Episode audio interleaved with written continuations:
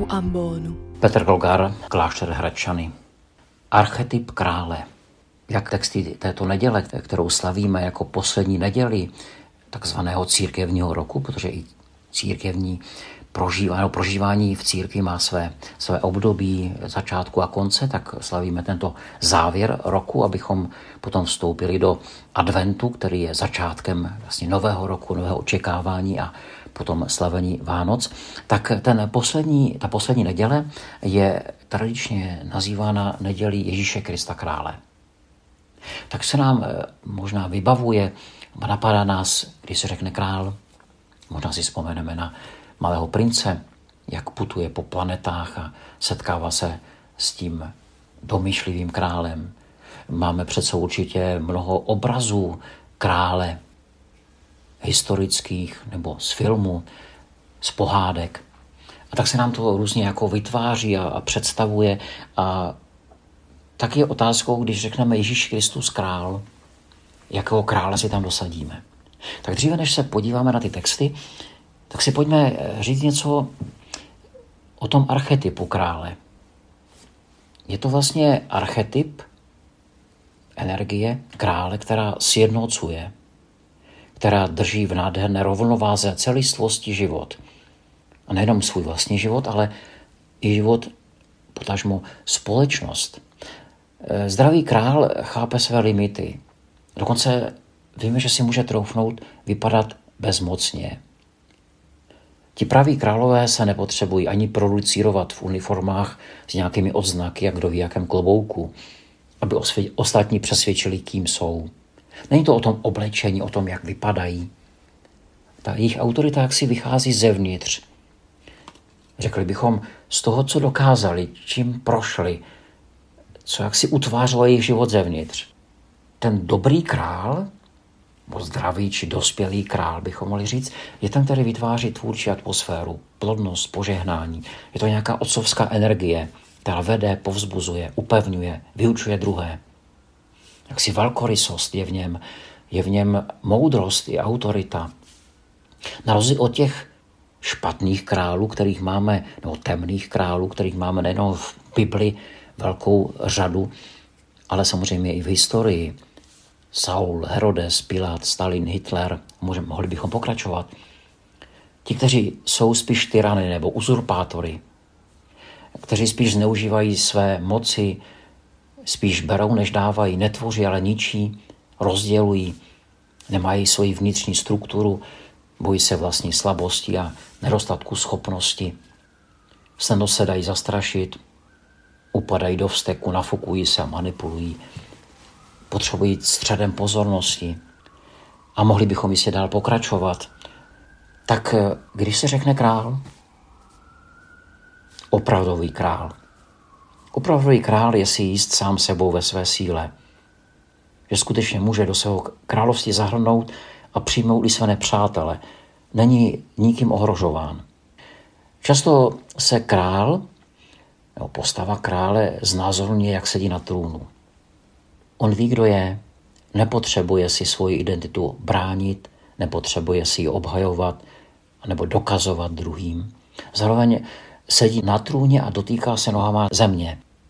Symbol toho, že je uzemněn, že se té země dotýká, že ví a zem to je humus, humilitas, to je pokora, to je pravda. Tedy někdo, kdo se dotýká té pravdivosti života. Král je ve své podstatě posvátný obraz. Často je znázorňován jako ten, který drží pohromadě zemi a nebe. Má obrovskou moc k tomu, aby nám říkal, je to v pořádku, jsi v bezpečí. Samozřejmě těch malých králů nebo špatných králů, nebo dokonce těch králů, kteří zneužívají svého postavení, nejistých králů, který může být ohrožen každým, kdo se mu nepodřizuje. Takže máme před sebou různé, různé konotace nebo různé obrazy, různé úhly pohledu na krále. Teď se pojďme podívat na, na ten text, který nám nabízí dnešní liturgie. Je to čtení z knihy proroka Ezechiela z 34. kapitoly. Je to biblický obraz pastýře. pastýř, který se stará o své stádo, který, když se to stádo rozptýlí, tak jde, pečuje o ně, vysvobozuje ze všech těch míst, kam se rozprchli v mlhavém a mračném čase.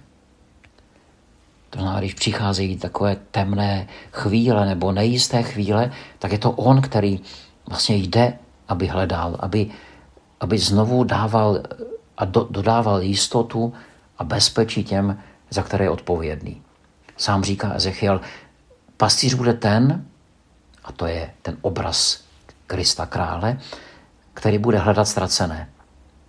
Zpět přivede rozptýlené, obváže zraněné, posílí slabé, bude je střežit, bude je svědomitě pást. Tak si dok- zkusme představit takovou tu postavu, která takto pečuje o ty, které, které jsou jim svěření. Tak to je ono království, ono králování. To je, to je ten král, který v tom úryvku z Matoušova Evangelia z 25. kapitoly, to je taková závěrečná část vlastně Matoušova Evangelia, to podobenství, které hovoří o posledním soudu. Ten poslední soud tam máme, že? možná je tam hodně ohně, ale, ale taky ten poslední soud je ohněm, který přetváří, který transformuje. A Matouš tam přirovnává, nebo podává toto podobenství, které hovoří o tom, jak král zasedne na trůn a ty tam přicházejí po pravici a po levici a on vlastně říká, no pojďte, vstupte do toho království. To, to znamená, staňte se králi, protože jsem měl hlad a dali jste mi najíst. Měl jsem žízeň a dali jste mi napít. Byl jsem na cestě, ujali jste se mě. Byl jsem nahý a oblekli jste mě. Byl jsem nemocen a navštívili jste mě. Byl jsem ve vězení a přišli jste ke mně. Najednou se nám ten archetyp krále vlastně ne asi rozmělňuje, ale jak si konkretizuje úplně takových obyčejných prostých věcí. Jakoby Ježíš tím podobenstvím říká, no, král je ten, který nabídne sklenici vody, když ví, že někdo má žízeň, nebo vezme ze svého šatníku oblečení, které možná už nějakou dobu ani nepoužíval a klidně to rozdá, nebo propustí něco z toho uvěznění. A víme, že uvěznění nejsou jenom ti, kteří jsou ve vězení, ale možná, že my sami a nebo naši, naši blízci potřebují někoho, kdo je z toho vězení propustí, kdo jim nabídne odpuštění, milosrdenství, kdo jim nabídne nový kus života. Nemocných různým způsobem máme kolem sebe dost. A jí říká, no, to, že jste je navštívili, my možná nemůžeme je navštívit fyzicky v této době, ale můžeme na ně myslet, můžeme něco poslat, můžeme najít způsob, můžeme být tvořiví v tom, jakým způsobem dát tomu člověku, který je sám, který je nějakým způsobem izolován, nemocen, tak jak mu dát najevo naši blízkost, to, čemu bychom řekli lásku. Jako zahrnout do té širokého spektra vlastně toho, že patří do toho našeho společenství, že patří k nám. Tak to je jakási eh, funkce, či řekněme úkol krále. Samozřejmě, když se někdo stane králem, jak to v těch pohádkách třeba je, když jsme s ním začali, tak než se mladý princ stane dobrým králem, tak se potřebuje na své cestě setkat se zdravými vzory a učiteli.